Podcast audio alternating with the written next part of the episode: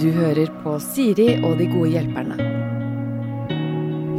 Helgens eh, gode hjelpere er eh, søstrene Vita Mashadi og Wanda Mashadi. Eh, sist sett i Kompani eh, Lauritzen, for deg som hører på.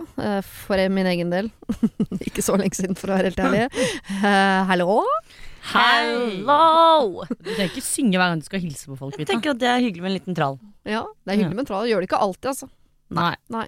Nå skal dere ut på ny tur, eller dere har vært på ny tur med Lars uh, Monsen. Mm -hmm. uh, turmann over alle turmenn. Unnskyld, Fenrik, hvis du hører på. Eh, dere har vært med han på villspor. Det kunne vi jo se på NRK forrige helg. Mhm.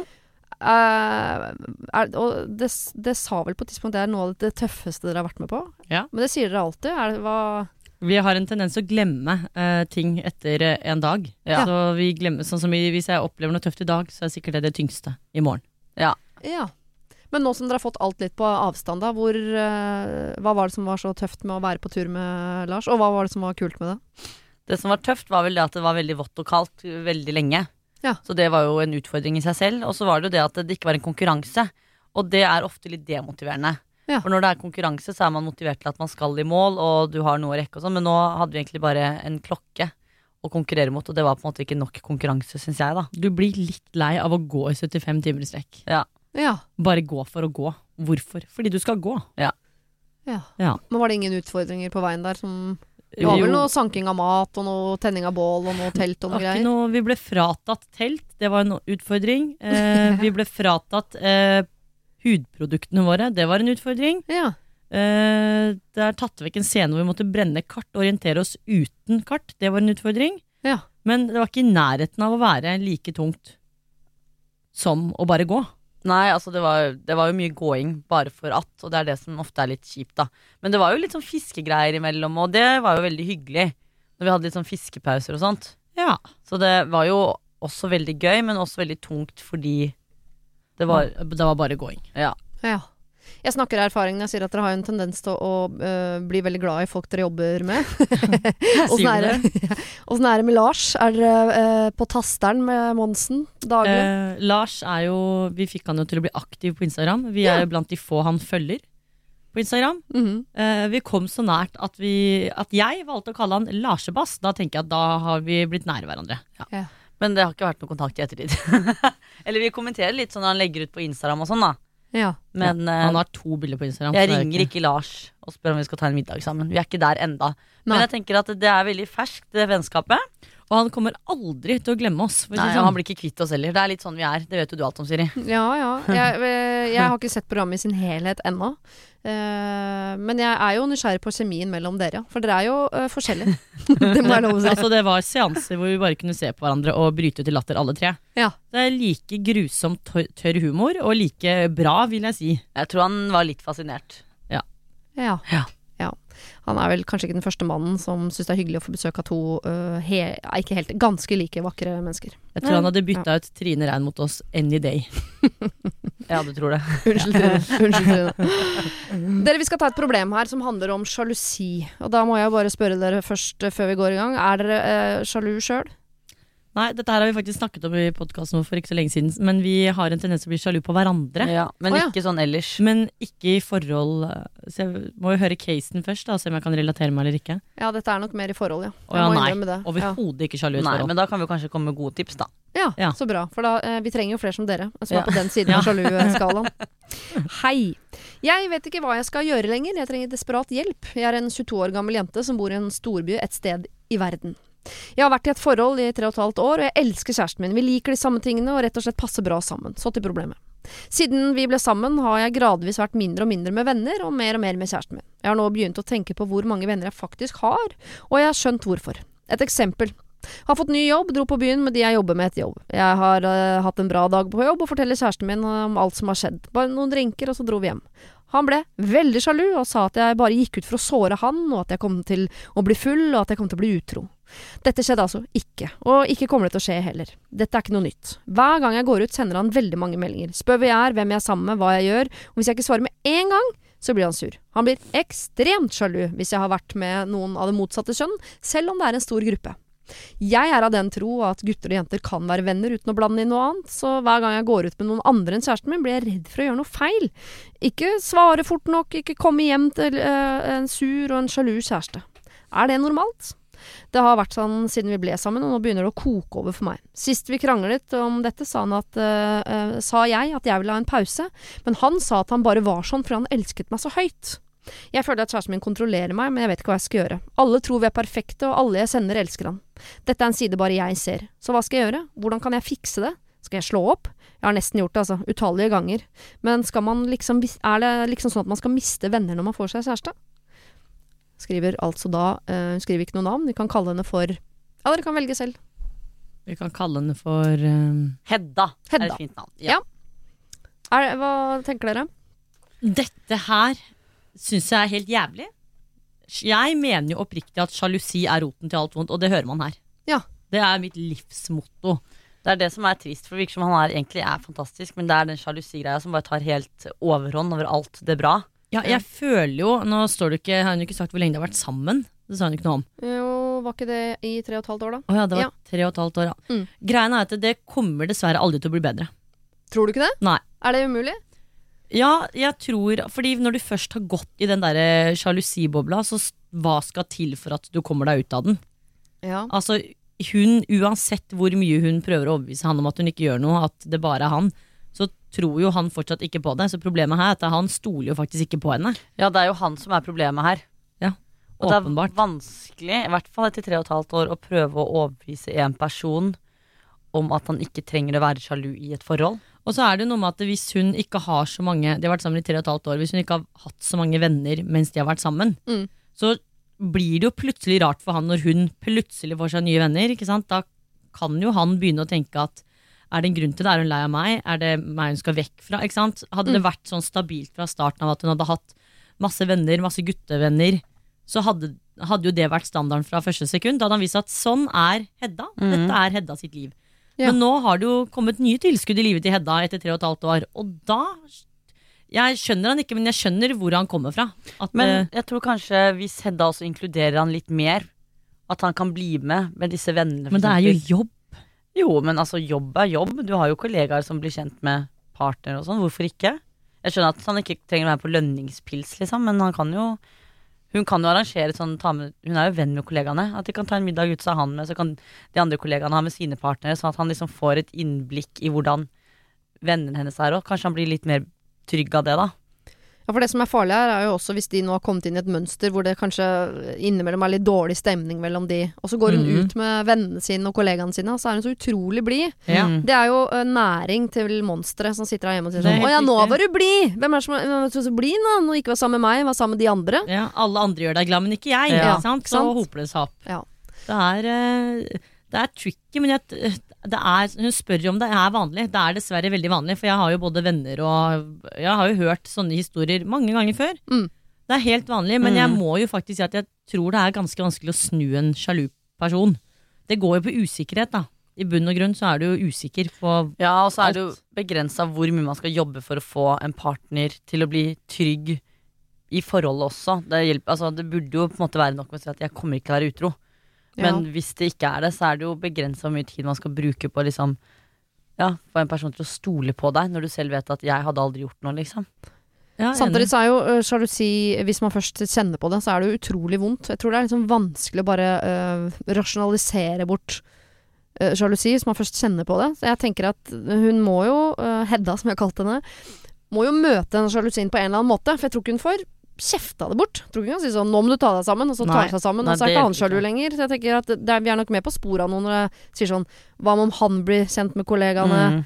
Eh, hun må jo, selv om det er hans problem, så er det jo hun som har muligheten til å, å gjøre han trygg. ja, hun burde gi han en sjanse. Ja, jeg føler at hun burde hjelpe han litt gjennom det her, og være klar og tydelig på Men- at vi skal prøve. Og, og så må hun jo, hvis det ikke funker, så er det jo helt fair at hun slår opp. Ja. Og så burde hun også fortelle hva, hvordan det sårer henne, da, når han Mm. er sjalu på henne. For det viste jo til syvende og sist at han ikke har noe tillit til det forholdet de har, og henne som person. Mm. Så jeg ville jo brukt den, ja, at nå sårer du meg, Ja, at ja. ikke du stoler på meg. For da står det litt likt, ikke sant. Sånn at ikke han, han er jo ikke noe offer her. Nei. Så det er jo ikke bare synd på han, det er jo synd på Hedda òg, som må Mm. gå gjennom dette her hver gang. Og hver gang hun Grue seg til å møte folk. ja. Ja. Ja. kose seg, så vet hun at nå kommer det meldinger, og nå må jeg være på. Ja, og hun mista venner allerede. Mm.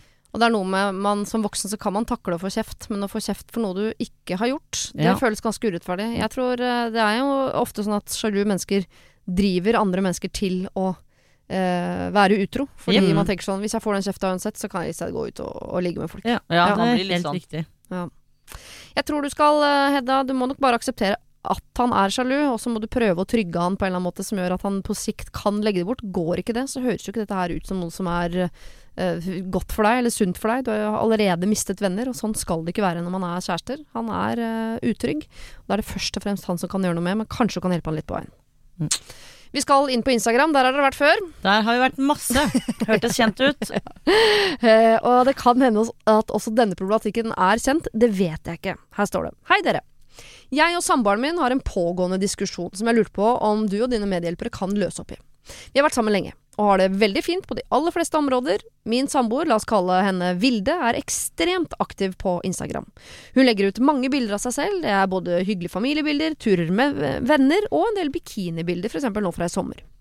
En sjelden gang er jeg også med på et bilde. Bildet har privat profil på Instagram, men har mange følgere likevel, og hun godtar alle forespørsler. Jeg liker ikke nødvendigvis veldig godt at hun legger ut så mye, men har aldri klaga på det, og tenker at hun får bare holde på med sitt. En dag, eh, nå nylig, eh, kom Vilde og spurte hvorfor jeg har likt diverse bilder av andre jenter på Instagram. Flere av disse bildene er i badetøy eller sommerkjole, og jeg svarte jo som sant var at det er venner av meg. Jeg liker som regel alle bildene de legger ut av, eh, uavhengig av antrekk. De fleste av bildene var av jenter som Vilde også har møtt, men dette var altså ikke greit, mente hun. Det syns jeg er hyklersk. Det er masse tilfeldige folk som liker bilder av henne i bikini, men jeg kan ikke like et bilde fra stranda når det er noen jeg kjenner som poserer. Ifølge Vilde er ikke det det samme å legge ut bilder av seg selv på privatkonto og slenge rundt seg med likes til pene damer på Instagram. Egentlig er det ikke så viktig for meg å like bilder av venninnene mine, men når jeg får en sånn respons, ja, så vil jeg gjøre det på trass. Og så lurer jeg på hva det er som egentlig ligger bak. Er hun sjalu? Usikker på seg selv? Vi har det jo så fint på alle andre områder, så jeg synes det er utrolig kjipt at noe sånt ødelegger stemninga mellom oss totalt. Jeg får ikke noe godt svar ut av henne og skjønner ikke hvordan vi skal bli ferdig med diskusjonen. Hva hadde dere gjort? I mitt ståsted. Hilsen Magnus. Ja, Magnus du Magnus. Å herregud, for stakkars et fyr. eh, rør. Ja. Altså, jeg må bare starte med å si at eh, gutter er enkle. Mm. De, når de sier at de ikke legger noe i like, så tror jeg på det. Altså, det Ja. mener jeg, fordi jeg tror oppriktig at vi jenter tenker mer over hvem sine bilder liker jeg, hvem sine liker jeg ikke. Mens gutta, når de scroller, så trykker jeg tror på han når han sier at han bare liker fordi det er folk han kjenner. Ja, jeg er jo også sånn selv. Jeg Ja. følger veldig få, men de få jeg følger, de får alltid en like. Og noen ganger så har jeg tatt meg selv og bare Å, herregud, nå likte jeg det her jeg ikke burde likt. Men så er det sånn, jeg liker bildene til alle jeg følger, uansett hva det er. Så der tror jeg han. Og jeg er veldig enig i at det er jo veldig hyklersk av Vilde. ja. Stakkars fyr. Altså, at hun skal ta imot likes og følge sånn ekle griser som følger henne når hun har lukket profil. Og når han liker bilder av venninner i bikini, det er helt krise. Det syns jeg er litt smålig. Ja, men jeg, jeg blir helt stressa når folk begynner med sånne restriksjoner og regler på sosiale medier. Ja. Da, da blir det sånn der over til sjalusigreiene. Da freaker jeg ut. Ja. Fordi så jævla viktig er ikke Men den er litt medier. vanskelig, da. Fordi jeg syns på en måte ikke at de skal gå der hvor de skal sette regler for hverandre heller. At Nei. man skal si du burde ikke, Hvis du ikke godtar de ekle grisene, så skal ikke jeg likevel. Jeg syns det blir også veldig feil. Ja, men det er, da er det jo bare fordi at den ene gjør det, at den andre ikke skal Ja, gjøre det. Ja, Og da setter man litt begrensninger, og da kan jo plutselig alt bli et problem. Så jeg tror det er viktig at de i hvert fall snakker om det og forklarer hverandre. Hun må forklare hvorfor hun gjør som hun Ja, gjør. han må forklare si. Problemet er at når man først har gått der, ikke sant, så er det så mye lettere å strekke det så mye lenger til at du får ikke like bilder av hun og hun, og jeg, du får ikke lov til å legge ut bikinibilder. Vi kan ikke gå der heller. Jeg skjønner Nei, ikke, Hun har jo møtt disse jentene. Ja. Men skjønner dere at Magnus blir trassig? At han Ja. tenker sånn, nå skal Ja. jeg i hvert fall like, Ja, ja. begynne å like bikinibilder av fremmede damer. Ja. Jeg hadde Ja. gjort akkurat det samme som Magnus. Ja, jeg, antageligvis, jeg, jeg er gjort som Magnus, jeg òg. Ja. Jeg skjønner han veldig godt. Men de må jo sette seg ned og snakke, Ja. Fordi det, for alt du vet, så vet jo ikke hun Vilde vet jo ikke at dette er et problem for han. Jeg tror Ja, at de har en pågående diskusjon. De blir aldri Ja. ferdige, så de, jeg tror ikke de snakker om noe annet, ja, nesten. Men Nei. de blir jo aldri enige, for hun mener at dette er eh, eh, to helt forskjellige ting. At noen liker hennes bikinibilder, er noe helt annet enn at han liker andres bikinibilder. Er dere enig med Vilde i det? egentlig? Nei, for hun kan jo også være et samme problem i et annet forhold. Ja, men jeg bare skjønner ikke hvorfor hvor, altså, Hun godtar jo disse som liker bildene hennes. Ja. Så hun gjør jo noe rart, hun òg. Ja. Det er jo ikke onkel og fetter og bror som liker bildene hennes, det er jo tilfeldige menn som hun bare godtar. Ja, altså virker det ikke som om hun legger noe i det at en gammel gris liker bildet hennes. Så hvorfor skal hun legge noe i at han liker bildet til venninnen sin Ja. fra en sommerferie? Det er det jeg syns er veldig rart. Ja, jeg, jeg, men jeg er litt enig også, for la oss nå si at øh, øh, du Vita, du Wanda, dere har fått dere øh, hver deres kjæreste. Mhm. Går ut på byen.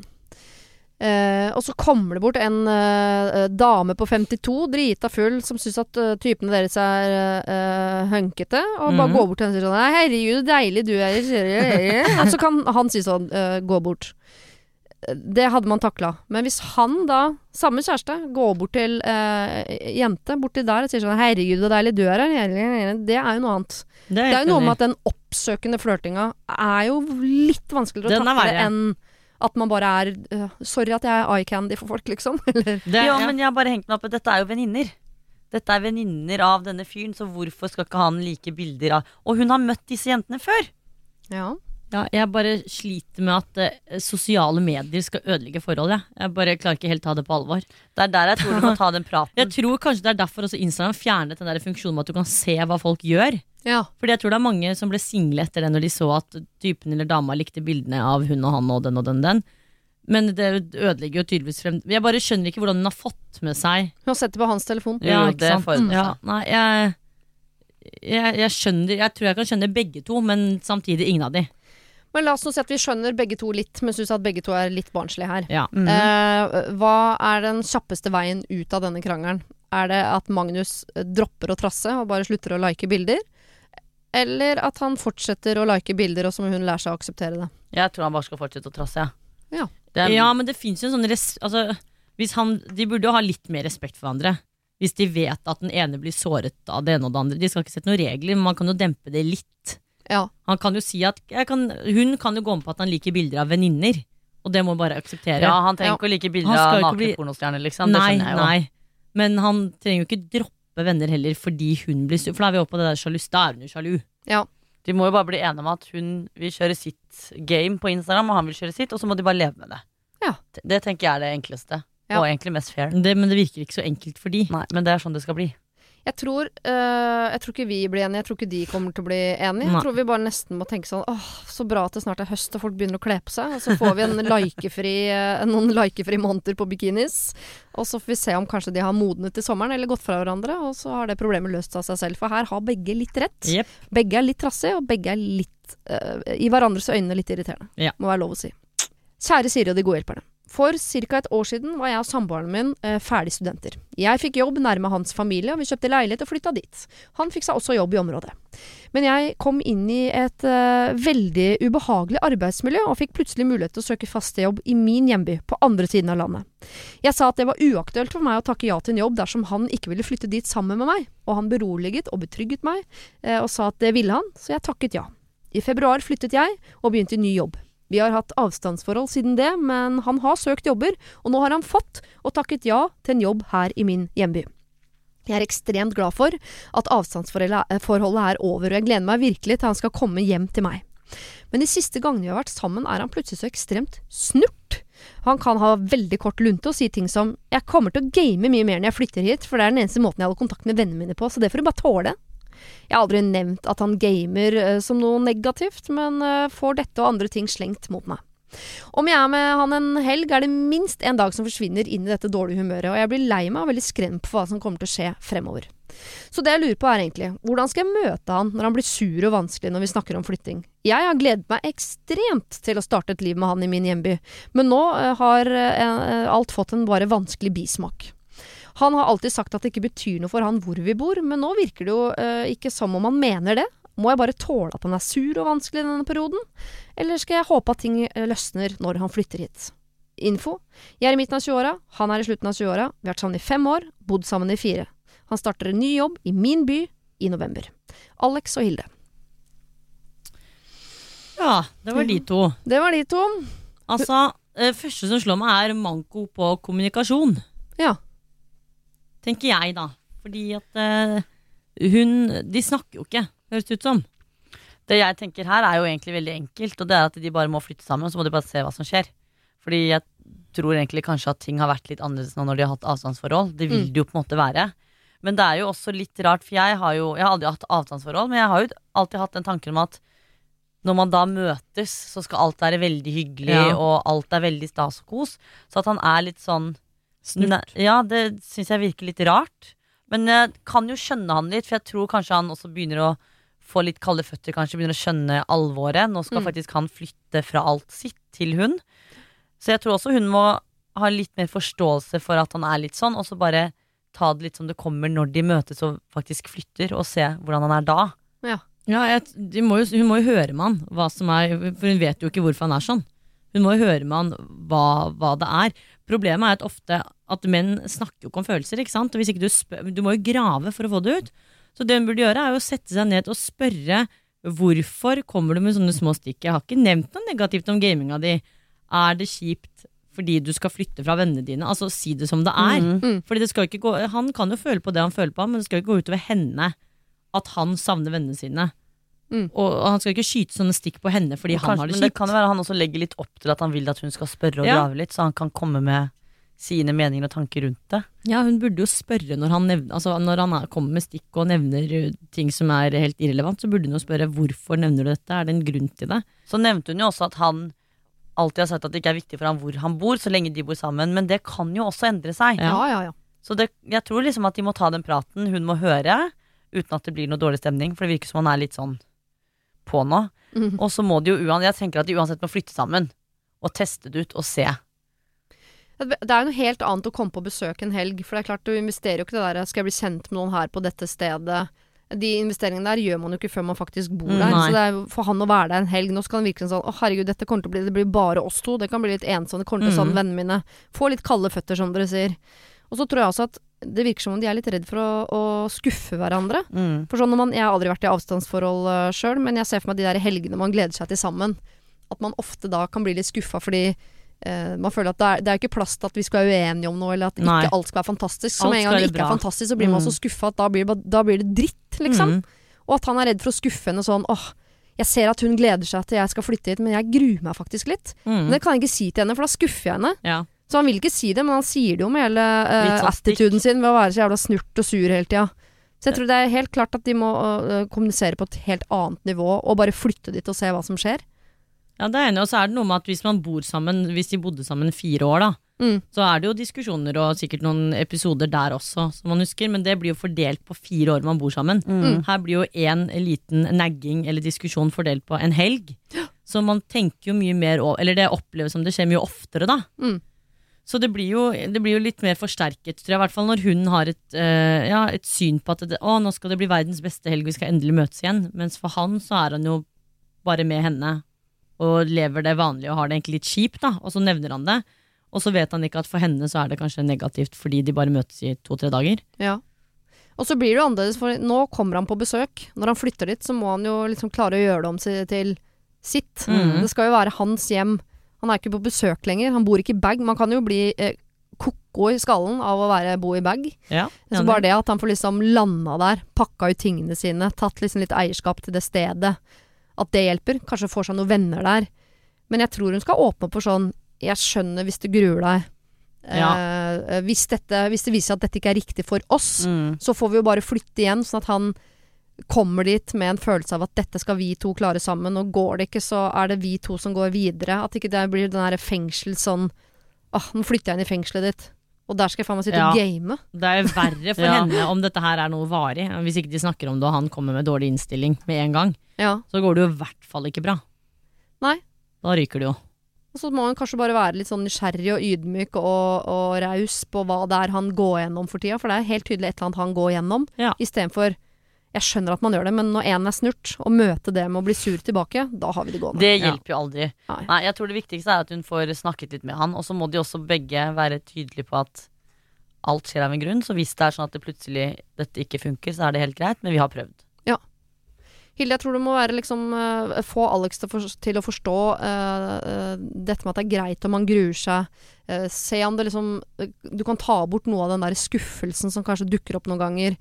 Eh, og dere må bare flytte sammen. Du må bare se hva som skjer når dere først bor sammen. Kanskje han plutselig elsker det, og gjør han ikke. det. Hvis han hater det, så må du være liksom med på å eventuelt se om dere må å, å flytte videre fra dette Ja. stedet som, som du gleder deg til så mye, da. Lykke til. Har du problemer selv, send dem inn til siri at radionorge.no. Uh, ja, det, vi skal snakke om uh, litt sånn dumping og sånn, og derfor så vil jeg høre med dere om eh, om dere har blitt dumpa, eller bare dumpa, og hva dere syns er verst. Jeg, Vita, altså, har opplevd begge deler. Det har jeg òg. Ja, hva er Men- verst? Å dumpe. Helt For- klart. Hvorfor? Fordi da Du blir sånn verge. Du føler at du må følge opp. Alt du gjør, har du dårlig, dårlig samvittighet for. da Sånn, Jeg må følge opp. Hvordan har du det? Går det bra med deg? Hvis ikke jeg gjør det, så er jeg den kyniske jævelen som bare driter i mennesket. Mm. Men når du blir dumpa, så syns alle synd på deg, og du får så mye trøst og kjærlighet. Og du gjør jo ikke det når du er dumperen, for da er du jo syndebukken. Ja. Hva med deg, Vita? Nei, altså Jeg kan jo være litt enig i det Wanda sier, men den gangen jeg dumpa, så var jeg så ferdig at jeg Det var liksom ikke noe vondt eller noen ting. Så jeg hadde det verre når jeg ble dumpa. Men du kviet deg jo. All, Ja, ja. Det er jo ingen jeg har snakket med som syns det er gøy å dumpe. Det er alltid litt Det er sånn ikke du, gøy. Det er det ikke. Men jeg hadde personlig så hadde jeg det mye verre da jeg ble dumpet. Fordi det var, da, da var jeg såra og knust og lei meg. Men når jeg dumpa, så var jeg så ferdig at jeg egentlig bare var letta. Ja. Men jeg er helt enig i det Wanda sier, at du får jo ikke noe medlidenhet eller noe hvis du er den som dumper. Det er jo det offeret som blir ja. Det er den det er synd på, den som blir offeret, og det er jo aldri den som dumper. Nei, du blir, jo aldri et, du blir jo aldri den som får sympati. Eller Nei. «Å, stakkars deg som nettopp har blitt nysingel. Du har jo tross alt dumpa en person, du. Mm. Den hører du jo ikke. Nei. Det er mer sånn 'hvordan går det med han der'? Hvordan Mm. går det liksom med den du har dumpa? Det er Mm. ikke 'hvordan går det med deg'? Så det Jeg dumpa en fyr en gang som sa åh, dette kommer til å bli mye verre for deg enn for meg. For en legende! og, så stem, og så stemte det. Da ble jeg så trist. Det ble, ble mye, mye verre for meg enn det ble for han. Men eh, eh, jeg tror vi har det godt på hver vår kant i dag. Men eh, jeg er helt enig i at det kan være Det er trist å dumpe også. Det er ikke bare den som Det er jo et brudd for begge, liksom. Ja, det er jo det. Jeg vet eh, også at dere har tanker om det å dumpe venner. At det er noe man eh, kan, og kanskje innimellom burde gjøre. Ja. Fordi For det er ikke så glad i utfade, eller? Eh, orker ikke Det er slemt å si, men psykisk svake mennesker som ikke kommer seg opp på hesteryggen når du prøver gang på gang på gang å hjelpe til. Mm. Da tenker jeg, vet du hva, eh, det er lov å ha det kjipt og ha problemer og ikke være helt der man tenker at man skal være. Men hvis det går negativt utover eh, min hverdag og min nattesøvn, da må jeg ta avstand. Så må du bare finne ut av det. Og så håper jeg jo alltid at man kommer tilbake til hverandre, og det har du for så vidt gjort nesten alle gangene. Men ta avstand er jo noe annet enn å dumpe. Jeg tenker sånn, Å å faktisk i praksis dumpe, men si sånn Jeg slår opp med deg. Jeg vil ikke ha deg i livet Mm. mitt. Ja, vi har nok gjort det litt mildere. Og sagt at uh, vi er glad i deg og håper at vi kommer tilbake til hverandre. Men ikke nå. Vi har jo nå. dumpa noen venner også. Ja, Det har bare vært eh, helt nydelig. Ja, så jeg er egentlig veldig for det. Jeg merker på meg selv, så er jeg veldig avhengig av å ha mennesker rundt meg som gir meg energi, og som er en trygghet i mitt liv. Ja. Og så fort jeg merker at det ikke er sånn som jeg ønsker et vennskap skal være, så gjør jeg det slutt, egentlig. Ja. ja. Men altså gode venner som har gitt deg energi i noen år, som plutselig har en litt vanskelig periode, det må være lov, eller? Det er helt lov. Ja. Absolutt. Men så har jeg veldig den innstillingen nå at eh, folk vokser fra hverandre. Det, det, er, det kan skje. Ja. Så jeg tenker ofte at ja, kanskje det er meningen at dette skal ta slutt. Vi skal til en som har kalt mailen sin for 'dumpet av en venn igjen'. Hvor hun skriver 'Kjære Siri og co'. Jeg har en venninne som jeg er sammen med daglige perioder, men i andre perioder ses vi nesten ikke i det hele tatt. Sånn har det alltid vært. Og det er egentlig helt ok. Vi er ganske intense begge to, så det er sikkert lurt med noen pauser. Mange av disse pausene sammenfaller med perioder hvor hun ikke er singel. Og det er jo irriterende, men det er også forståelig. Det varer sjeldent lenge uansett. Og så håper jeg at den dagen det er min tur til å få kjæreste, så unner hun meg å tøfle med han en periode. Men vi har nylig hatt en lang og kul periode der vi har vært mye sammen. Altså hele våren og sommeren, egentlig. Nå i oktober hadde vi planlagt, eh, planlagt at vi skulle dra til Lofoten sammen, og jeg har orga og fiksa masse greier, kajakkturer osv. Nå prøver hun å komme seg ut av det, fordi den nye typen har invitert henne med på hyttetur. Og jeg skjønner at hun vil det, men det er jo surt å avlyse alt jeg har gleda meg til og brukt tid og penger på. Og hun sier at hun skal gjøre det godt igjen, og det stemmer sikkert, hun er god på det faktisk. Men fader da, skal jeg la henne slippe unna enda en gang? spør Silje. Oi, shit. Herregud. Vi har jo vært mestere på å Nei! Nei! Det er ikke greit. Jeg blir forbanna. Jo, jo, men det er det. vi har vært mestere på å orge sommerferier i år, så akkurat det der Jeg skjønner at det, det der er ikke greit, for det er mye tid og planlegging, og penger, ikke minst, som hun sier. Det, jeg syns det der er ganske Du skal råttent av venninnen. Ja. Aldri droppe vennene dine for en partner. Altså, det skal du ikke. Hvem er det du skal gå til når du har det kjipt og sånn da? Du kan jo ikke fortelle alt til han eller hun du blir sammen med. Du, det kan du ikke. Og så kan man heller ikke forvente at den vennen du dumper, skal stå der hver gang du har det kjipt eller du finner deg, eller blir dumpa, eller gjør det slutt med typen eller partneren. Jeg syns ikke det er greit i det hele tatt, jeg. Nei, og jeg skjønner jo den jenta, hun som har fått seg kjæreste. Jeg kan jo skjønne at folk blir sånn. Vi har jo opplevd at folk blir sånn, vi også. Ja. Men jeg bare tenker, jeg syns det er veldig ugreit. Og så syns jeg det er kjipt for hun venninnen, var det Silje? Jeg Ja. synes det er kjipt for Silje også å For hun vil jo kanskje ikke ha med seg denne venninnen egentlig, når hun vet at venninnen vil jo være med kjæresten isteden. Ja, ja, den turen ja. kommer til å bli rar hvis de nå drar. Ja, ja, det blir det uansett. Så det er jo dritdårlig gjort, først men, og fremst. Ja, men jeg bare det, Jeg skjønner ikke, fordi jeg har alltid tenkt at det, det er jo mye mer hot hvis du sier til Sånn som en, hvis jeg dater en fyr, da, Mm. og han spør skal jeg finne på noe. Jeg føler at jeg blir mer attraktiv hvis jeg sier sånn Du, jeg kan ikke da, faktisk. eh, Jeg har planer med Mm. andre. Ja. Du skal ikke være tilgjengelig hele tiden. Hvorfor kan ikke hun bare si til han hun dater nå at eh, jeg har, jeg har planer med Silje akkurat den perioden, så vi kan ta det enten før eller etter. Det, hun, Ja. kan ikke, hun kan ikke bare vie livet sitt For det som mest sannsynlig har skjedd, er at hun, nei, hun venninna til Silje har bare sagt til han at eh, ja, vi kan finne på noe, så har hun ikke nevnt Lofoten-turen engang. Nei. Og så er det bare Silje som må fikse opp i det at det, den turen må avlyses eller flyttes på. Det er ikke greit.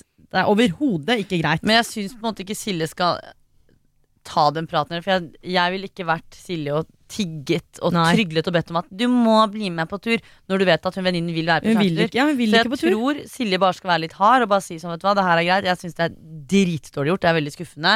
Og dette er tydeligvis ikke første gangen. Bare vær hard på det. Og så må hun eventuelt bare prøve å få med seg en annen venn, da. Ja, Og så bare si at eh, hun syns ikke dette er greit, og kanskje legge frem at det er litt avgjørende for hvordan vennskapet blir fremover, fordi hun blir så skuffa. Ja.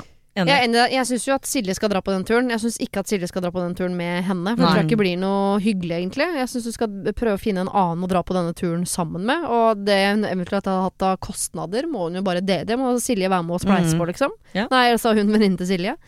Men når dere sier at øh, For jeg har jo et lite ønske om at det skal finnes rom for at mine venninner forstår den dagen jeg har sagt sånn Vet du hva, jeg vet at vi har en avtale, men det har dukket opp en mulighet som jeg har veldig, veldig lyst til. At ikke det alltid er øh, den som spurte først, som alltid skal vinne. For det er, det er vel Jeg skjønner at Lofoten-tur, masse rygging, planlegging. Men så er det sånn, la oss si at vi tre skulle spist taco sammen på fredag. Mm. La oss si det. og så dukker det sånn Vet du hva, du har fått uh, to gratisbilletter for deg og hele familien din på uh, cruiseskip i Karibien. Da ville det vært vanskelig for meg å si sånn Sorry, jeg skal spise taco på strømmen. altså, jeg beklager. Den er jeg helt enig i. Ja. Den er jeg veldig enig i. Jo, det er selvfølgelig, og det er rom for det, men jeg tenker bare at det virker som om hun Silje har et veldig glede av Spesielt den turen her når hun har lagt ut frem at hun har jo orget mye, fikset kajakktur eller hva det var, og det har vært mye greier, og de har snakket om dette lenge, og så kommer det en Sorry, men basic hyttetur med typen. Ja, men jeg bare synes det er veldig rart at de har fått det til å treffe på akkurat den perioden. De skal vel ikke være i Lofoten hele måneden? Nei, jeg tipper dette er en hyttetur han skal på med kompisgjengen sin, og så har hun som ja, nye dame det fått muligheten til å bli med, liksom. Så har hun lyst til det, da. Da må hun Da Vet du hva, du er kul hvis du sier at du har en tur med venninner, eller en venninne. Eller så kan vi ta hytteturen senere. Men Ja. det tror jeg ikke hun kommer til å si. Nei, men det er det jeg mener. Det er da du er kul, Fordi da beholder du vennene dine, og du viser han at du har ditt eget liv. Ja. Og du er ikke alltid tilgjengelig. Du vil ikke være hun som mister sitt eget liv. Eller han, da, for så vidt, som bare gir slipp på alt fordi du har møtt en annen person. Ja, eller hvis hun venninnen hvis det var hun som har sendt inn mail, kunne man også sagt noe om at øh, kan ikke Silje få være med på den hytteturen. Ja. og så må du ta på det ansvaret og, og orge om alt Mhm, Lofoten. ja. Den, du må flytte den to uker, men det er du som må ta deg hele orgeprosessen, sånn Ja. at øh, begge får i pose og sekk. Det syns jeg er helt fair at Silje faktisk sier. Ja, for Ja. Hvis hun kommer med den muligheten for at Silje også For da viser hun jo at jeg vil jo være med deg. Ja. Jeg vil jo fortsatt gjøre noe med deg. Mm. Eh, jeg, kan, kan ikke du bli med på hytteturen i stedet? Da viser hun jo oppriktig at dette hun må bryr jo seg. Silje få sagt. Det er jo Silje som har sendt inn problemet, så dette må jo Ja. Silje få sagt til venninnen. Ja, Kan ja, jeg være med på hyttetur med typen din? Ja, Jeg vet ikke helt Men det er det jeg mener. Det, det her skulle hun ha spurt Silje Ja. om. Ja, ja, Silje skal ikke sende en melding og si 'forresten'. Sendte inn et forslag til Siri, du gode hjelperen, og de sa at jeg skulle spørre om jeg kunne bli på hytteturen. Nei. Ja, nei. Hun skal, ha, hun skal ha blitt spurt om det på forhånd. Enig. Det eh, eksemplifiserer jo bare at denne venninnen til Silje er eh, kanskje litt egosentrisk. Det er et eller giftig egoistisk. forhold. Ja. Så jeg syns at eh, du, Silje, du skal kose deg i Lofoten med en annen venninne. Mm. Og så syns jeg du på et eller annet skal få sagt fra til venninnen din sånn OK, jeg fiksa det den gangen her, men ikke kom til meg og be om hjelp på en stund, liksom. Fordi jeg, jeg er egentlig forbanna for dette her. Ja. Helt Så, enig. ja. Så Det er bare rett og rimelig. Vi skal over til en uh, bosituasjon uh, som vi skal prøve å løse opp i. For et år siden gikk jeg ut av et langvarig forhold og måtte selge leilighet og alt som hører med. Jeg satt ikke med all verdens egenkapital og fikk ikke lån til å kjøpe noe nytt alene, så derfor har jeg siste året leid en toroms i Oslo sentrum. Jeg har ganske romslig økonomi i hverdagen, men begynner å kjenne på at jeg ikke har kommet meg inn på boligmarkedet i en alder av 32. Jeg har veldig lyst til å få til det, og jeg har tenkt ut noen alternativer til hvordan jeg skal få spart nok på et år. A. Enten må jeg spinke og spare og leve som en asket i min sentrumsnære vesle leilighet med leie og utgifter på ca. 12 000 i måneden. Eller så kan jeg flytte ut fra sentrum for å kunne spare litt mer hver måned. Eller så har vi det mest økonomiske alternativet. Finne et kollektiv. Da kan jeg plutselig være nede igjen 6000-7000 i måneden, få spart mye samtidig som det er mulig å få levd litt. Hva syns dere er best? Å ikke kunne unne seg verken nye klær eller øl på byen i et år? Flytte lenger bort fra venner og nettverk og jobb? Eller å bli hun i starten av 30-åra som må lære opp et par studenter i hvordan man vasker klær i et slitent kollektiv? Jeg klarer ikke å ta valg på egen hånd, og alle venner kommer med ulike råd, så hva tenker dere? Kall meg Martine. Martine, du Martine. Nå spør du jo da altså feil klan. tvillingparet som er 28 og ikke har egen leilighet. Ja. Men vi har jo litt tips. Ja, det viktigste er jo først og fremst å bo billigere. Hun trenger jo ikke bo for 12 000, altså. Men jeg må bare si det. Altså, jeg har aldri vært fan av kollektiv, og jeg tror aldri at kollektiv er en Nei. god løsning. Jeg tror at enten så er du en kollektiv person, det er jo en egen sekt av mennesker, eller så er du ikke en kollektiv person. Er Vi, er, vi også er jo en sekt av mennesker, Ja. så du er enten eller. Så enten så vurderer du, du Nei, du trenger ikke vurdere det, for du vet at du er der. Eller Ja. så vurderer du det ikke, for du vet Jeg at du ikke er der. Jeg tror i en alder av 32, du har bodd alene i så mange år, jeg tror det blir veldig vanskelig å gå inn i et kollektiv. Og jeg oppfatter jo det at hvis du skal kunne spare mye, så skal sparing være gøy. Og jeg tror ikke du kommer til å få en god opplevelse av Nei. sparing av å bo i kollektiv. Man kan jo flytte litt utenfor Hun bor jo i Oslo sentrum, da er det nødvendig, liksom? Vi bor på Strømmen, og der er det billig leie. Ja. Der må flytte til Strømmen. Er, altså, Ja. det er jo alltid altså, Du trenger jo ikke bo midt i smørøyet, for der, der bor, altså, du bor der pga. beliggenhet. Ja. Jeg bare tenker eh, eh, alternativ B her, da, som er å flytte ut av byen. Da er du 32 år, og så bor du alene i en leilighet eh, litt utafor byen, der jobben din er og vennene dine er. Det går helt fint. Men hvis alternativet er å bli boende i byen sammen flokk med eh, ung vitalitet eh, altså, Kan ikke det gi litt sånn livsglede, hvis man ser på det som et prosjekt? Sånn ja, jeg er 32, jeg blir hun 30-åringen i kollektiv, jeg ser den. Men så det året der kommer hun til å se tilbake på som en sånn Fy faen, jeg husker jeg var 30 og bodde i kollektiv med 7-åringer. Det var jo helt galskap. Altså, jeg hadde jo følt meg mislykka. Ja. Jeg, jeg tror bare ikke at det kan være et bra alternativ. Jeg, jeg, Jeg tror, så du vet ikke hvordan Martine er, da. Jeg hadde ikke følt meg mislykka, men jeg bare tenker at det, det er veldig mye Det er rart her, fordi hun vil, hun blir, vil bli få voksenpoeng for å kjøpe seg leilighet, men hun vil bo i kollektiv med 20 Det henger liksom ikke helt sammen, da.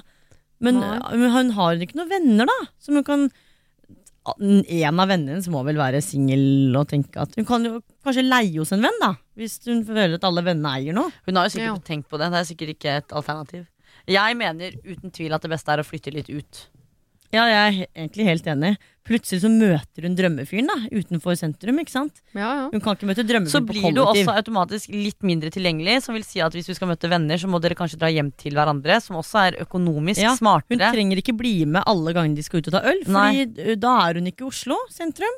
Så sparer hun kanskje de, de ø, 500-600 kroner på å drikke ute og ikke sant? De tingene, Da har hun plutselig 600 kroner til overs. Ja. Jeg har jo hørt dere nevne uh, noen ganger at uh, noe av det som er kjipt med å bo på Strømmen, er uh, taxiutgifter. Yep. Jeg bare ser for meg at hvis jeg skal dra det inn i mitt liv, da, hvis jeg skulle plutselig nå bodd et år alene utenfor Oslo sentrum, så ville jeg unna meg en del ting. Jeg ville tenke sånn Nei, nå er det litt Ja. synd på Siri Kristiansen. Den genseren der, den er min. Liksom, Og så hadde jeg unna meg litt sånn ekstra god mat en helg. Altså jeg hadde unna meg en del ting, for jeg hadde syntes veldig synd på meg selv. Ja. Enn hvis jeg hadde flytta inn i et kollektiv. Jeg hadde hata det antageligvis, men jeg tror jeg kunne ledd av det litt på avstand. Og så kan hun jo lære litt sånn Se på de folka, de lever jo på Ja, nudler. de lever på Nudler minimalt. og knappenåler. Det må jeg klare å få til. Men da blir det sånn der eh, kollektivgreier igjen. Da. Hun må merke maten sin. Knekkebrødpakka må merke Altså vil hun Jeg vet ikke, kanskje hun blir litt Vil hun ha 20-åringer som kommer hjem fra fylla? Ja, nå er det korona, Men det kan jo hende men hun blir obs på det, da. Hvis hun begynner å merke maten sin, så er det sånn Dette er min mat. Dette er det jeg har å gå på. Ja. Det er jo kanskje litt Altså, kollektivfolk er jo økonomiske, for de har jo ikke så mye å rutte med.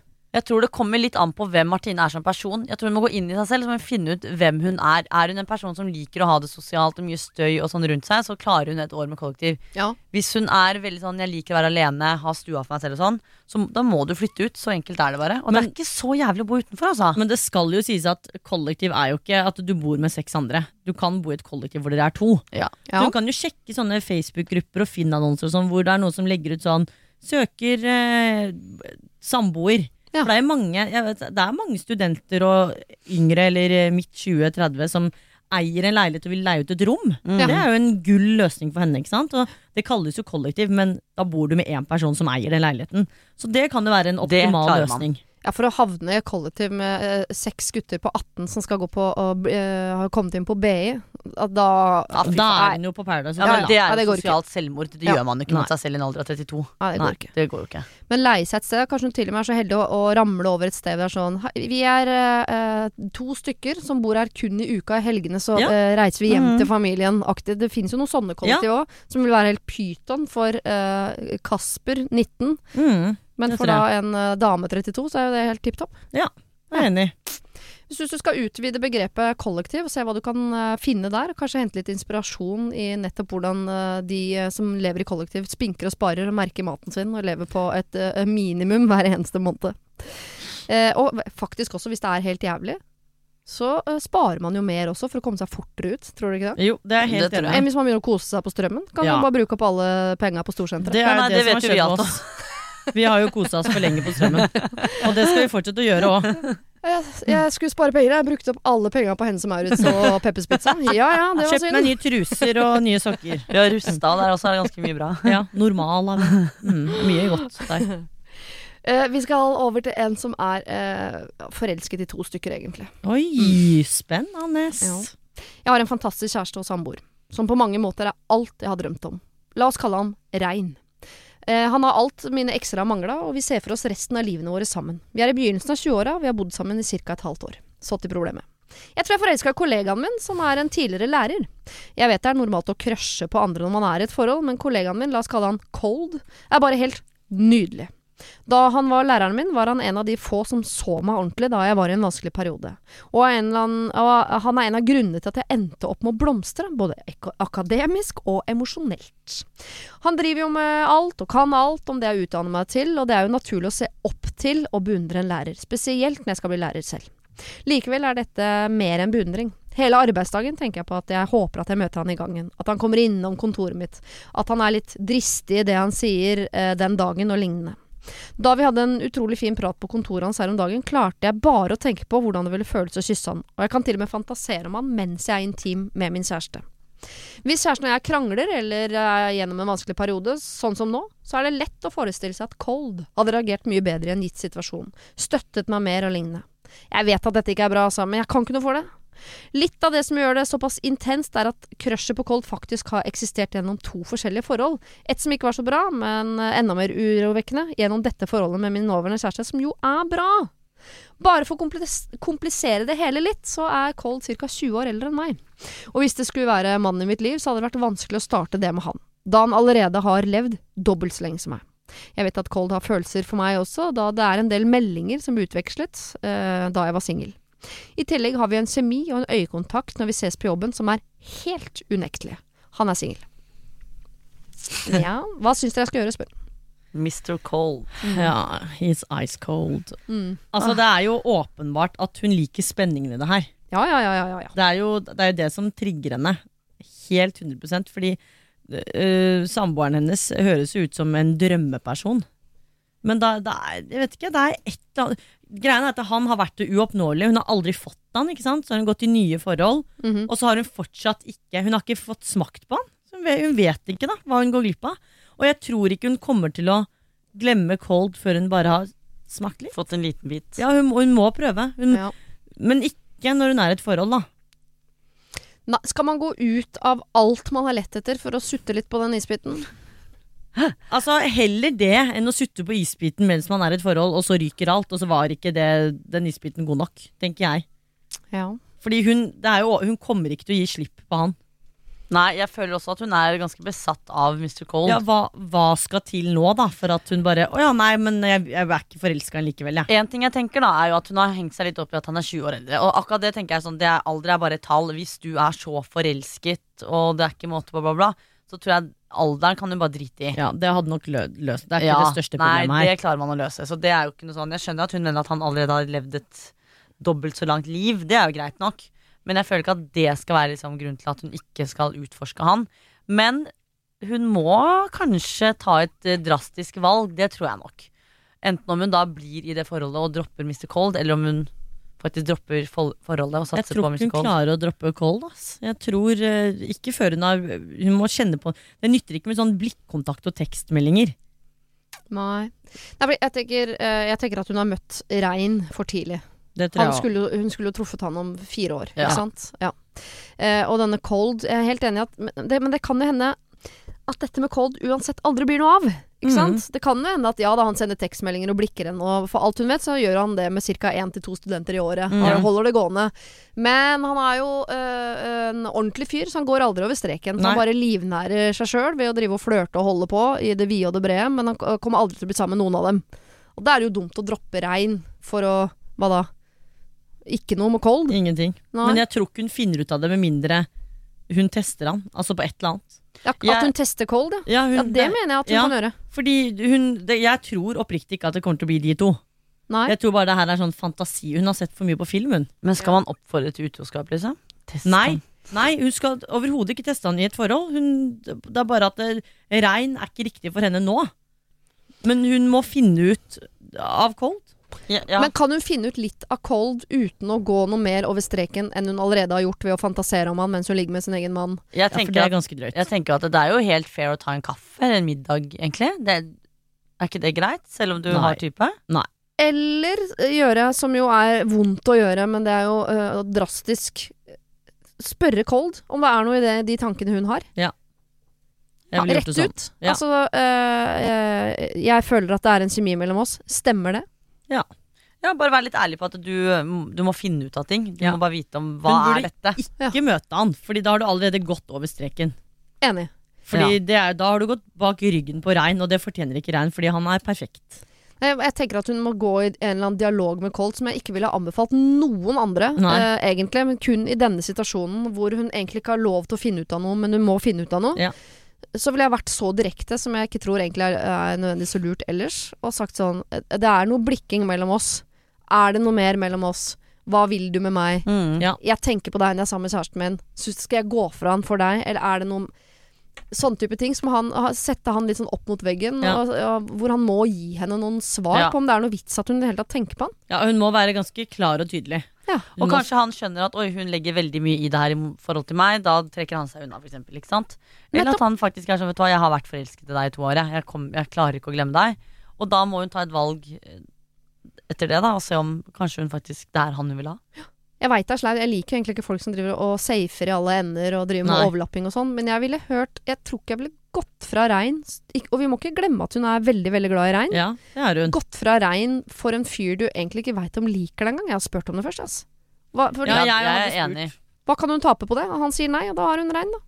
Det er det veldig dumt om hun går fra Rein, og så prøver hun å utforske det, og så er egentlig ikke læreren forelsket i det hele tatt. Mm. Nei. Man kan si sånn Du, jeg har veldig god kjemi med mange av mine elever, jeg. Ja, det, det her har du misforstått. Ja, Ja, Da sitter hun der med skjegg i postkassa. Og kanskje det er det hun trenger å høre, da før hun skjønner at ja, herregud, det var jo idiotisk av meg også. Men det er jo åpenbart noe som ikke stemmer her, fordi hun tenker jo på cold når hun ligger med regn. det, er litt, det er litt uheldig. Så hun, det, hun må, det er noe som må nøstes opp i her, altså. Jeg er innom Aquaman og disse Elbra. Altså, nei, det, det skjer. Tankene svever, liksom. Du er nygift, så det er helt forståelig. Ja, da er det greit, da. Ja. Ja. Uh, jeg syns hun skal prøve å finne ut av på en, Uten å trekke over flere streker hun, allerede har tråkket over, så må hun finne ut litt mer med denne Colt. Kanskje han også responderer på en måte hvor hun tenker sånn Æsj, din gamle gris! Var ikke Ja. det jeg mente. Plutselig sender hun en melding som er sånn Jeg tenker på det av og til. Tre sekunder senere, dickpic. Ja, altså. Eller kanskje han ikke bruker emojis, ikke sant? For eksempel. You never know. Ja. Nei. Eh, finn ut av det, du, før du går noe eh, videre med dette. Det er jo dumt å liksom miste mannen i sitt liv for en fyr som kanskje bare driver og blikker og har god kontakt med mange av sine studenter. Han har vel egentlig ikke lov heller til å inngå et forhold, men jeg tenker sånn rent juridisk på det. Ja, det sant. Så det med alder skal du egentlig ikke legge så mye vekt på. Har han lov? Njet. Vi tar eh, til slutt et eh, problem som handler om eh, utroskap. Eh, her har det vært utroskap, da, så vi er i andre enden av det. Jeg er en mann i slutten av 30-åra, du kan kalle meg David. For ca. to år siden var jeg utro mot min kone. Jeg hadde møtt en jente på byen, jeg var på guttetur en helg, og vi flørta på byen, og jeg ble med henne hjem. Klassisk one night stand. Da jeg kom hjem fra tur, var jeg nok litt uh, rar, og kona mi spurte hva som var galt. Jeg knakk sammen, fortalte alt. Jeg fortalte at jeg angra skikkelig, og at jeg aldri ville gjøre noe sånt igjen. Hun var skikkelig såra og sint, og sa at hadde ikke vært for våre barn, så ville hun sannsynligvis ha gått fra meg. Det var selvfølgelig vondt å høre, men jeg skjønte også at jeg hadde dummet meg ut. Vi brukte en del tid på å snakke, krangle, gå i parterapi og generelt gjøre alt som kunne hjelpe. Og vi har fått det mye bedre. Jeg angrer fortsatt og vil gjøre øh, alt Nei, og vil aldri gjøre noe sånt igjen. Nå er jeg dårlig på å lese, folkens. Men problemet er at hun fortsatt nå, to år senere, kan ta dette opp i krangler. Dersom jeg mener hun har gjort noe ugreit og jeg blir sint, så kan hun slenge tilbake at ja, det er ikke jeg som har ligget med andre. Og jeg skjønner at jeg var en dust, men det er to år siden. Hvordan kan vi gå videre i livet om dette alltid skal være et tema? Kan jeg kreve at hun slutter å bruke det mot meg, eller må jeg bare leve med det videre? Noen ganger har jeg vurdert å be henne om å bare ligge med noen andre så vi er skuls, og det er utrolig slitsomt å aldri kunne vinne en eneste diskusjon, fordi hun alltid kan trumfe det. Dette tror jeg er problem i alle forhold hvor noen har vært utro, Ja. dessverre. Ja. Jeg tenker jo at eh, Jeg skjønner jo denne David veldig godt, fordi at jeg tenker hvis hun nå har tilgitt i gåstein han, og sagt at dette skal vi komme oss gjennom, så syns jeg det er litt rart at hun skal ta det opp i krangler, for da er hun egentlig kanskje ikke helt over det. Og da er det litt urettferdig også overfor han at hun sier at hun har tilgitt han. Ja. Så det syns jeg ikke er greit, og der syns jeg han egentlig har rett til å si ifra sånn Enten så må vi legge det helt bak oss, eller så må vi bare skille lag. Fordi jeg kan ikke leve med at du alltid skal kjefte på meg og dra opp denne utroskapsgreia. For han er veldig klar over at han har gjort en feil. Og det er også, selvfølgelig er hun såret, men jeg syns det er veldig dårlig av hun å hele tiden ta det opp og gni det inn. ja. Det syns jeg ikke er greit. Altså man må jo, hvis du, Jeg er veldig sånn på at jeg kommer aldri i mitt liv til å godta utroskap. Og det er fordi at eh, jeg er ikke sjalu i det hele tatt. Jeg tror det der er sånn som kunne gjort at jeg hadde eh, ja, blitt en gæren person. Mm. Jeg, jeg kunne blitt sånn som drar det opp. ikke sant? Ja. Og da må du ha såpass selvinnsikt til å skjønne at jeg kan ikke være i det forholdet her. Fordi hun har valgt å tilgi, da må du tilgi. Da Mm. du legge det bak deg. Det er urettferdig. Selv om han lå med en annen ja, så har hun valgt å si at vi går videre i livet. Du og jeg prøver på nytt. Og da kan ikke hun to år senere, hvis de krangler om hvem som skal henge opp klesvasken, si men du har jo slutt ligget med noen andre. Ja, det synes jeg ikke er greit det, det er, tatt. det er jo helt urimelig. Fordi Mm. enten så har du tilgitt og går videre i livet, eller så klarer du det ikke. Nei, det er greit, men da kan, dere ikke, da kan ikke dere være sammen. Nei, ja, det er akkurat det jeg Så jeg tenker skjønner han faktisk Han har jo vært en eh, grisete gris. Altså, jeg støtter ikke han. Det er ikke greit I det han, hele i det hele tatt. Men jeg skjønner at han blir irritert på henne, fordi han har jo hele tiden fått høre at ja, vi jobber sammen om dette her, dette skal vi få til, går i parterapi. Og Det virker som han virkelig har prøvd. ja, han virker, virker som han virkelig skjønte at dette her var Ja. jo idiotisk gjort. Men jeg, hadde, jeg skjønner at han blir irritert når hver gang altså, Da må du til slutt bare gå på tåballene, for du er redd for å gjøre noe Mhm. galt. Fordi hver gang så får du slengt i trynet at ja, men du lå med noen, du, så da kan jeg gjøre Jeg kan drepe et menneske, for du lå med noen. Og det er ganske ille når han går rundt og føler på at han nesten skulle ønske at hun Ja. skulle vært utro også. Sånn at de er skuls. ja. Det, Men jeg tror, jeg tror helt oppriktig at hun også tenker kanskje at hun har tilgitt han. Eh, Men så dukker Ja. det opp en krangel, og du vet jo når man blir eh, gæren. eh, Ja, eller når man føler seg trua, så trekker man kniv, selv om man Ja. tenker at Mm. eh, den kan jeg jo egentlig ikke bruke. Men man, altså, når man blir Man desperat, så gjør man desperate ting. Så, eh, men jeg tror sånn som du sier at han går på tå rundt henne, og det gjør han jo litt allerede. Mm. Jeg bare lurer på at det er nettopp fordi han gjør det, at ikke de blir ferdig med det. For jeg tror ikke han tør å si fra. Jeg tror ikke han tør å kjefte ordentlig på Nei. henne, fordi han vet at, at hun har et ess i ermet, på en Mm. måte. Så det er jo en makt han også kan ta tilbake ved å si, at, øh, å si til henne at det der er ikke greit. Ja, for jeg tror det er viktig at altså, han sier ifra. At han har jo forståelse for at hun er lei seg og sånn. Men det er helt på sin plass at han sier ifra at du, nå er det to år siden. Enten så må vi bare være enige om at ja, det var idiotisk, og vi må komme oss videre. Eller så hvis du fortsatt skal sitte og nære over det her, så kan ikke vi fortsette. Fordi jeg kan ikke bli kjefta på hver gang det er noe fordi jeg var utro en gang. Ja, altså, hun kan jo ikke ha tillit han for å ha styringa, hun må jo ha tillit for at de skal starte på scratch Mm. og stå likt. Ja.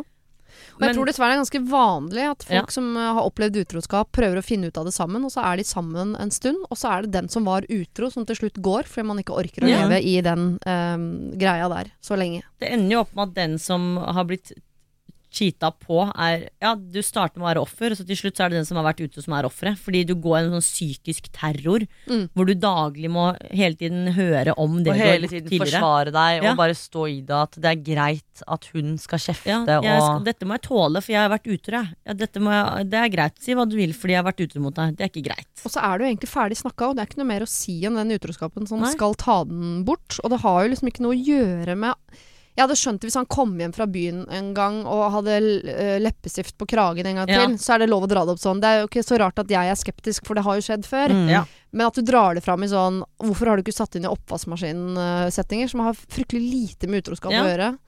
Det så syns jeg er rart. det. Ja, det er, det er helt irrelevant. Så enten så vet du at du er en psykisk sterk person som klarer å ta tilbake livet Mm. med dere to, eller så må du bare vet du hva, svelge den kamelen og skjønne at det, det her tåler jeg. Jeg orker ikke. Uansett Mm. hvor mye jeg elsker det mennesket her, Mm. så kan ikke jeg være sammen med han fordi ja, jeg kommer ikke over det. Og det er greit, det òg. Men nå har de jo disse tre barna, så de bør jo på en måte um, prøve å, å liksom finne ut av det. Men jeg tror han jeg tror det er han som må ta tilbake, eller tørre å bli ordentlig sint på henne. Ja, så hun jeg- skal forstå at vet du hva, nå må faktisk jeg ta meg sammen. Mm, Ja, det er jeg enig. enig. Jeg tror han må tørre å si ifra. Ja, ganske sånn hardt. Mm.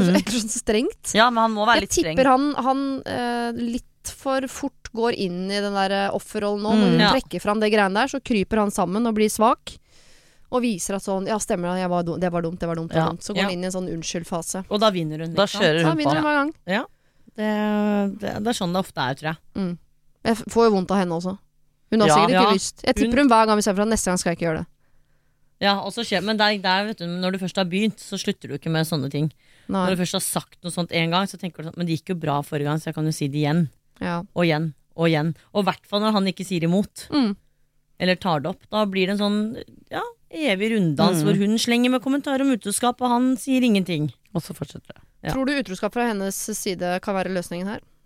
Nei. Nei, på ingen måte. Nei, for da begynner jo han å slenge tilbake, og så blir det en ond sirkel der, og at de alltid skal krangle med hverandre. Nei, men da blir det sånn Men jeg gjorde det fordi du var utro. Og du var utro først. Ja. Ikke sant? Du var det mest. Ja. Nei, du var det lengst. Ja. Det blir sånn eh, Ja, det er ikke, det er ikke en vits å tenke på engang. Nei, jeg regna ikke med at dere ville heie på det forslaget, men siden han bringer det på banefelt, så tenkte jeg at vi bare liksom skulle Ja, det, på de greiene der. Ikke foreslå det en gang til, at hun skal være utro. Her tror jeg det handler om litt hvordan du reagerer når hun trekker fram trumfkortet sitt, for jeg tror du også lar henne vinne litt hver eneste gang. Eh, og så må man jo bare ha forståelse for at det er vanskelig å legge det bak seg. At hun kanskje har tilgitt deg, men når hun blir desperat, så trekker hun kniven. Og det er jo ikke greit, men eh, det er jo både vondt for henne, og det er vondt for deg, så øh, Det er sjelden jeg ber folk krangle skikkelig, men her tror jeg dere må krangle skikkelig. Mm. Det tror jeg òg. Mm. Eh, Vita, Wanda, det har vært uh, fortreffelig hyggelig å ha dere på besøk. I like måte som alltid. Vi koser oss. Dette er jo eneste måten vi kan se deg på om dagen, så vi stiller gledelig opp igjen. Ja, da ses vi til uka. Ja, da gjør vi det. Det var det. Husk å sende ditt problem til siri at radionorge.no om du vil ha hjelp. Denne podkasten er produsert av Rubicon for Bauer.